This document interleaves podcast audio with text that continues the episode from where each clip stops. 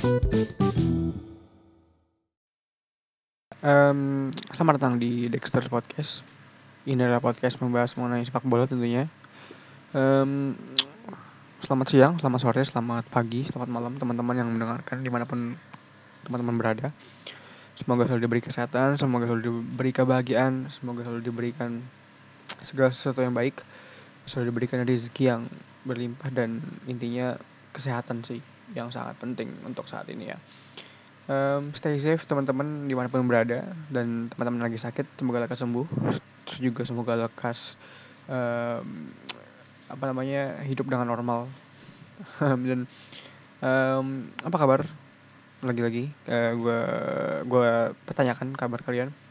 Kabar teman-teman semoga selalu selalu baik sih. Dan uh, sekarang kita uh, tentunya masih di suasana Euro um, membahas mengenai recap dari quarter final yang mempertemukan empat pertandingan dari delapan tim. Uh, yang pertama itu adalah Spanyol lawan siapa tadi? Spanyol siapa gue lupa. Uh, oh ini um, apa namanya? Spanyol, Swiss lawan Spanyol. Uh, itu berakhir dengan skor uh, satu sama sih sebenarnya. Ada penalti jadi satu tiga. Uh, ada penaltinya. Dan langsung aja kita pembahasan uh, Dexter's Podcast episode yang ke 57 tentang quarter finals recap. Um, pertandingan pertama itu, itu Swiss lawan Spanyol. Berakhir uh, adu penalti. Satu sama di waktu normal dan extra time uh, dari Swiss dulu ya. Sheka nggak main karena akumulasi. Ini apa namanya berubah banget sih. Maksudnya ketika lawan Prancis eh Prancis ketika lawan Prancis kan itu uh, mereka apa namanya dengan ada Shaka itu kasar ada inilah ada distribusinya bagus terus juga uh, passing final pass final pass ke depan itu bagus. Tapi ketika nggak ada Shaka diganti Denis Zakaria pun nggak Denis Zakaria nggak bisa melakukan role peran Saka sih. Karena Shaka ini penting banget sih buat distribusi bola dan end passing itu tadi tuh nggak ada pure serangan emang dari flank aja sih. Zuber Zuber rajin banget sih buat ke kiri untuk crossing terus juga Shakiri juga rajin. Um, selain Shakiri juga si siapa namanya Severovic juga rajin Embolo cedera. Terus juga apa namanya yang sayang Embabu nggak main dari awal. Gue juga bingung kenapa padahal Embabu one of salah satu pemain yang lumayan oke okay sih di timnas Swiss um, terus juga apa ya mereka pun ya Swiss kan main counter ya dan gue gak gak melihat ad, apa ses, yang kayak pra, ketika lawan Prancis kan counternya tuh tiba-tiba uh, bisa cetak gol atau enggak uh, bisa sampai final third dengan cepet tuh. Nah kemarin tuh eh, tadi tuh enggak ya. Terus juga kan Swiss mainnya pasti pressing ya, pressing terus juga pressing yang kuat. Tapi di satu sisi Spanyol pun ya memang punya counter press yang bagus sih. Maksudnya ketika keluar dari tekanan itu gampang banget gitu. Nggak nggak nggak panikan. Dan juga Spanyol ya memang mendominasi dari dari segi ball possession dan intensi serangan ya. Terus juga Spanyol pakai high defensive line dan tendensi Spanyol ya untuk menyerang gitu. Nah terus sayangnya Swiss kalah pinter sama Spanyol sih. Maksudnya ketika ya Spanyol high defensive line which mean itu kan banyak bukan space sih. Maksudnya itu jarak jarak dari jaraknya jauh lah. Dan nggak bisa memanfaat, memanfaatkan offside apa bukan offside trap ya? Terus terjebak di dalam offside trap gitu. Dan ini menurut gue bodoh bukan bukan bodoh sih. Nggak nggak nggak maksimal aja sih apa yang dilakukan oleh uh, Swiss ini si Vladimir Petkovic. Dan uh, kembali lagi Enrique gue gue pikir uh, kenapa masih mainin Morata? Karena memang ya Morata ya meskipun dia nggak cetak jarang cetak gol di turnamen ini ya tapi dia punya work rate dia main ke belakang as, as a decoy lah kasarnya. Terus juga dan tadi role itu role baru loh. Maksudnya ketika ketika Spanyol itu nggak dapat off the ball. Maksudnya ketika Swiss mau ngasih bola itu tuh si Morata tuh langsung jemput bola ke ke apa namanya ke ke tengah gitu. Langsung dia chasing the ball dengan dengan lumayan bagus sih sebenarnya. Terus juga ya tetap sih maksudnya Spanyol ini uh, kekurangannya adalah nggak nggak punya nggak punya finishing yang bagus sih. Karena beberapa momen itu yang harusnya gol itu nggak gol. Entah itu Moreno atau enggak si siapa Sarabia terus juga si Ferran. But Spanyol lolos. Dan ya udah sih. Apa namanya mereka bisa lolos dengan penalti. Ini menurut gue ya unexpected sih kalau buat gue ya untuk Spanyol ya. Dan tetap sih trio midfielder itu benar-benar benar-benar nguasain banget sih trio midfielder Koke sama apa Busquets pasti single pivot dan Pedri juga rajin banget buat apa namanya chasing the ball buat apa namanya jemput bola ke depan. Dan ya udah sih gitu doang kalau dari pertandingan Swiss lawan Spanyol. Uh, terus Belgium lawan Italia. Yang gue heran De Bruyne ini main loh. Gue nggak nggak expect dia bakal main sih karena apa ya kapan tuh dia, dia cedera sampai ditarik itu lawan Portugal dan Martinez ini menurut gue udah maksain banget sih De Bruyne main. Ya memang sih maksudnya ketika De Bruyne ketika De Bruyne main ya itu berpengaruh sih buat attacking buat buat di tengah.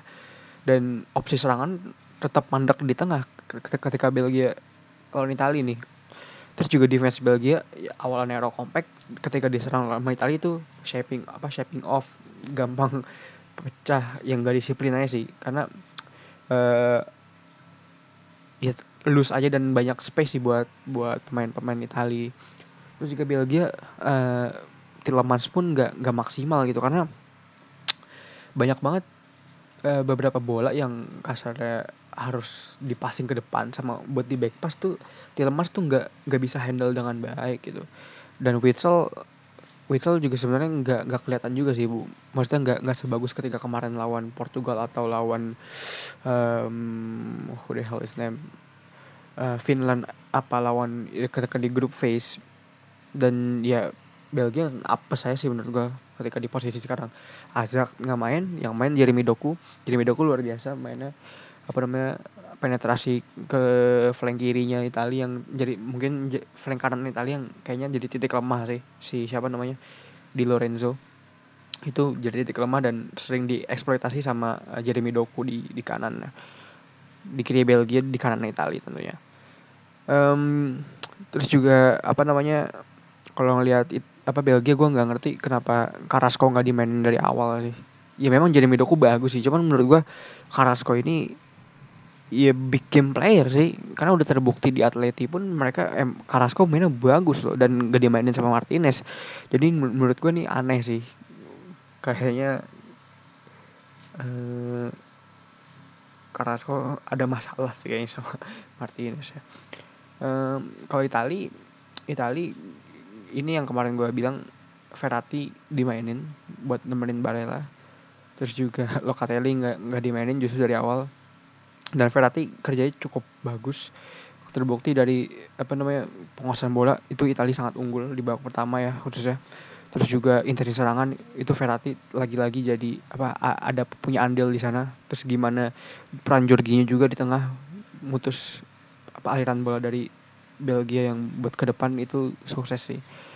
Um, terus juga siapa namanya uh, Spinazzola kembali bermain bagus dan isinya wonder goal terus sama satu, satu lagi Barella juga golnya keren. Jadi menurut gue ya Itali baik lagi sih squad depth yang bagus jadi nggak perlu khawatir sebenarnya untuk pilihan pemain ya. Yang yang dikhawatirin adalah kalau misalnya waktu-waktu pemain ada cedera dan Spinazzola hari ini sayang sayang banget cedera dia ketika apa adu lari keram atau uratnya mungkin ketarik gitu. Dan apa namanya ya Itali kalau misalnya kita lihat mainnya ya tetap sih proaktif banget sih. Gila sih. Maksudnya tensinya pun dari awal sampai akhir tetap nyerang terus dan nguasain terus. Jadi menurut gua ya like di ditunggu-tunggu sih di pertandingan berikutnya Italia bakal main kayak gimana. Apakah ketika lawan apa ketika sudah naik level terus lawannya kasarnya apakah mereka bakal konsisten? Kalau kata gue sih bisa aja sih konsisten.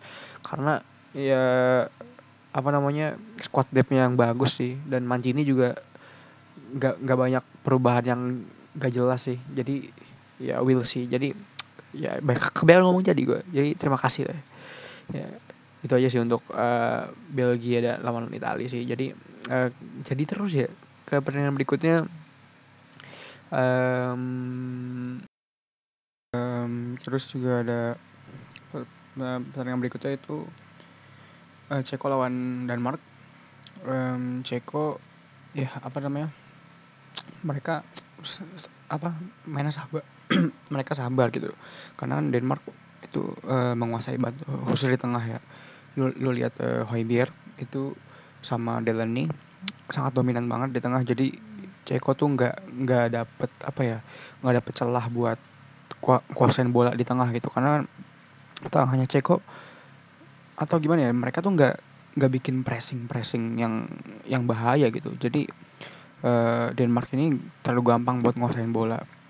Terus juga beberapa kali Ceko bikin counter cuman minim di penyelesaian akhir.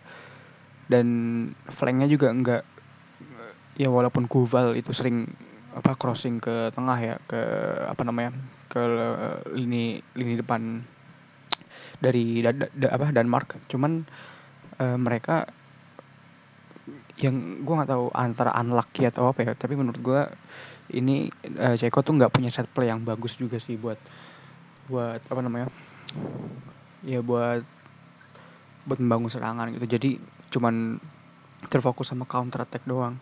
Terus juga ketika di final third juga pemain depannya Ceko itu si siapa namanya uh, Shik sama Holes kadang-kadang mereka juga nggak bisa uh, apa ya maksimalin atau punya decision making bagus gitu. Um, dan Denmark sendiri? Denmark mainnya cukup cukup compact ya. Di tengah apa Hoiberg, Delaney sama satu lagi itu si, si, si apa Jansen. Itu kan eh, gue pikir tuh yang main di kanan itu harusnya was gitu. Cuman ternyata yang main Johnson dan cukup bagus sih. Dia sering apa banyak crossing juga. Dan di kiri juga Mahlet tetap menjadi Mahlet yang kita kenal bagus banget. Dan juga kalau misalnya lo lihat pun uh, tengahnya Denmark tuh si Hoiberg tuh rajin banget sih. Jemput bola lah terus sampai ke depan bikin bikin end passing. Dan menurut gue ya Hoiberg ini um, ya memang salah satu pemain Denmark yang terbaik di turnamen ini sih. Terus uh, untuk untuk di depan pun di attacking forward saya kan mereka ketika di match-match sebelumnya kan sangat intens gitu buat pressing ke pertahanan lawan. Cuman di sini gue nggak melihat itu sih. Jadi peran Braithwaite itu uh, mungkin agak diridus sama si Kasper, Kasper Hilman.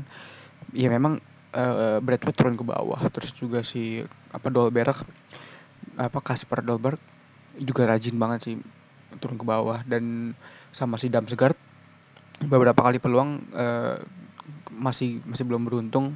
Terus juga uh, siapa namanya lu melihat peran backnya Denmark juga oke okay sih compact rapet gitu. Dan uh, ini salah satu jadi apa poin penting dari Denmark juga sih maksudnya selain attacking forward mereka yang rajin dan fluid gitu ya.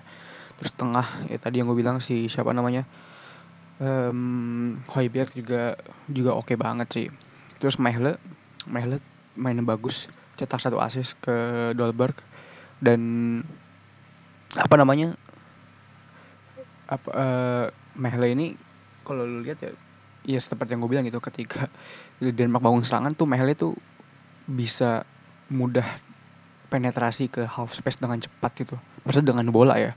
Apa apa movement of the bola yang juga bagus sih Mehle ini. Kan sering switch eh, sama si siapa namanya?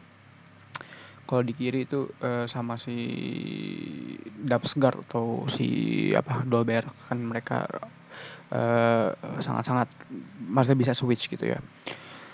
Um, di babak kedua Denmark agak loose ya memang dapat gol pertama juga sih. Jadi uh, punya advantage. Agak loose di babak kedua dan akhirnya kebobolan sama Sheikh terus gue juga kalau Ceko Sucek juga keren sih mainnya sih. Maksudnya apa fight terus sampai akhir. Cuman ya mereka kalah dan menurut gue kurang beruntung aja sih. Selain itu juga si siapa namanya? Denmark juga mainnya oke okay banget sih. Maksudnya minim kesalahan dan minim hal-hal yang tidak diinginkan tentunya ya. Dan klinis yang penting. Ada peluang mereka bisa buat shot on goal dan bisa jadi gol sih. Gitu Um, terus ada Ukraina lawan Inggris last match. Ukraina struggle buat buat keluar dari tekanan Inggris tekanan dan dominasi khususnya karena Ukraina uh, memiliki permasalahan di lini tengah gitu. Mereka nggak bisa sirkulasi bola dengan baik terus juga nggak bisa bangun serangan dengan baik juga. Terus ketika counter pun mereka lini, lini depan mereka yang berfungsi itu cuman ya remcok doang. Sisanya kayak si siapa namanya um, Yarmolenko sama si Savarenko gue nggak melihat nggak melihat dia main bagus sih. Dan gue juga bingung kenapa apa namanya Ukraina tuh sejelek ini mainnya nggak kayak kemarin Ukraina yang kemarin. Kemarin Ukraina inisiasi serangan bagus Zinchenko sangat baik di kiri atau di tengah. Dan ketika di match ini gue nggak melihat Ukraina kayak kemarin sih. Banyak banget kesalahan-kesalahan. Terus juga di belakang juga banyak banget space yang dihasilkan backnya juga jelek banget sih. Terus juga ya intinya Ukraina apa ya kan kalau misalnya kalian kemarin lu lihat kemarin ya Ukraina tuh di kanan tuh dominan. Kenapa? Si Karavaev Karavaev tuh mainnya dominan banget tuh si dominan itu ketika di kanan. Nah sekarang gue ngeliat nggak ada lihat itu sih. Mungkin karena karena Inggris itu si siapa namanya Walker juga bermain dengan baik ya. Jadi nggak bisa bergerak dengan bebas lah kasarnya eh sorry di kanan di kanan di kanan Inggris itu show show juga mainnya keren dua asis apa uh, dengan crossing crossing yang bagus sih. Terus nah kalau Inggris Inggris mainnya 4 back. Ketika kemarin lawan Jerman itu main 3 back ini gue nggak nggak nggak surprise sih karena ya apa lawannya Ukraina juga. Dan Inggris sangat dominan di tengah si Calvin Phillips sama Declan Rice mainnya bagus keren. Apa suka mutus mutus counter terus juga apa namanya ngepres pemain tengahnya Ukraina. Dan ini uh, juga jadi catatan penting kenapa? Karena Inggris ber bermain itu nggak kayak kemarin lawan Jerman itu. Ketika, ketika kemarin lawan Jerman itu kan uh, Inggris main reaktif. Nah kalau sekarang Inggris tuh sangat proaktif sih apa passing-passing pendek. Terus bahkan gol pertama itu direct ke depan si Sterling dan uh, apa namanya opsi kreatifnya itu ada, karena ada Mount jadi berguna bukan jadi berguna bukan jadi ada apa variasi yang baru gitu buat serangan Inggris khususnya ketika di final third. Dan juga uh, peran dari show flanknya Inggris tuh lumayan bukan lumayan bagus banget malah. Karena uh, rajin banget buat uh, apa namanya turun ke atas dan turun ke depan. Eh naik ke depan dan turun ke bawah. Itu uh, itu bagus banget sih Inggris sih. Uh, eh, show show. Um, terus permasalahannya Inggris tuh ya ketika bertahan sih. Karena ketika bertahan itu terlalu mudah apa shape off terlalu mudah uh, ngacak gitu pertahanan mereka si Stone sama si siapa Maguire cuman Maguire keren sih mainnya. Apa jarang ada kesalahan kesalahan minim yang ber, ber, yang bisa bikin berbahaya. Dan ini catatan penting Inggris adalah sebenarnya uh, untuk sekarang ya lini depannya karena Ken udah bisa cetak gol lagi dan Sterling juga mainnya bagus. Jadi menurut gue uh, Inggris ini bisa bisa bikin sesuatu yang gila sih di untuk turnamen kali ini gitu. Uh, jadi uh, terima kasih yang sudah mendengarkan. Um, semoga selalu diberikan kesehatan, semoga selalu diberikan kebahagiaan juga dan semoga selalu diberikan sesuatu yang baik gitu. Jadi terima, uh, selamat untuk tim yang sudah lolos di turnamen kali ini. Um, kita bertemu lagi di preview semifinal Euro 2020 tentunya. Terima kasih sudah mendengarkan. Dan selalu juga kesehatan gitu. Gitu ya sih. Terima kasih.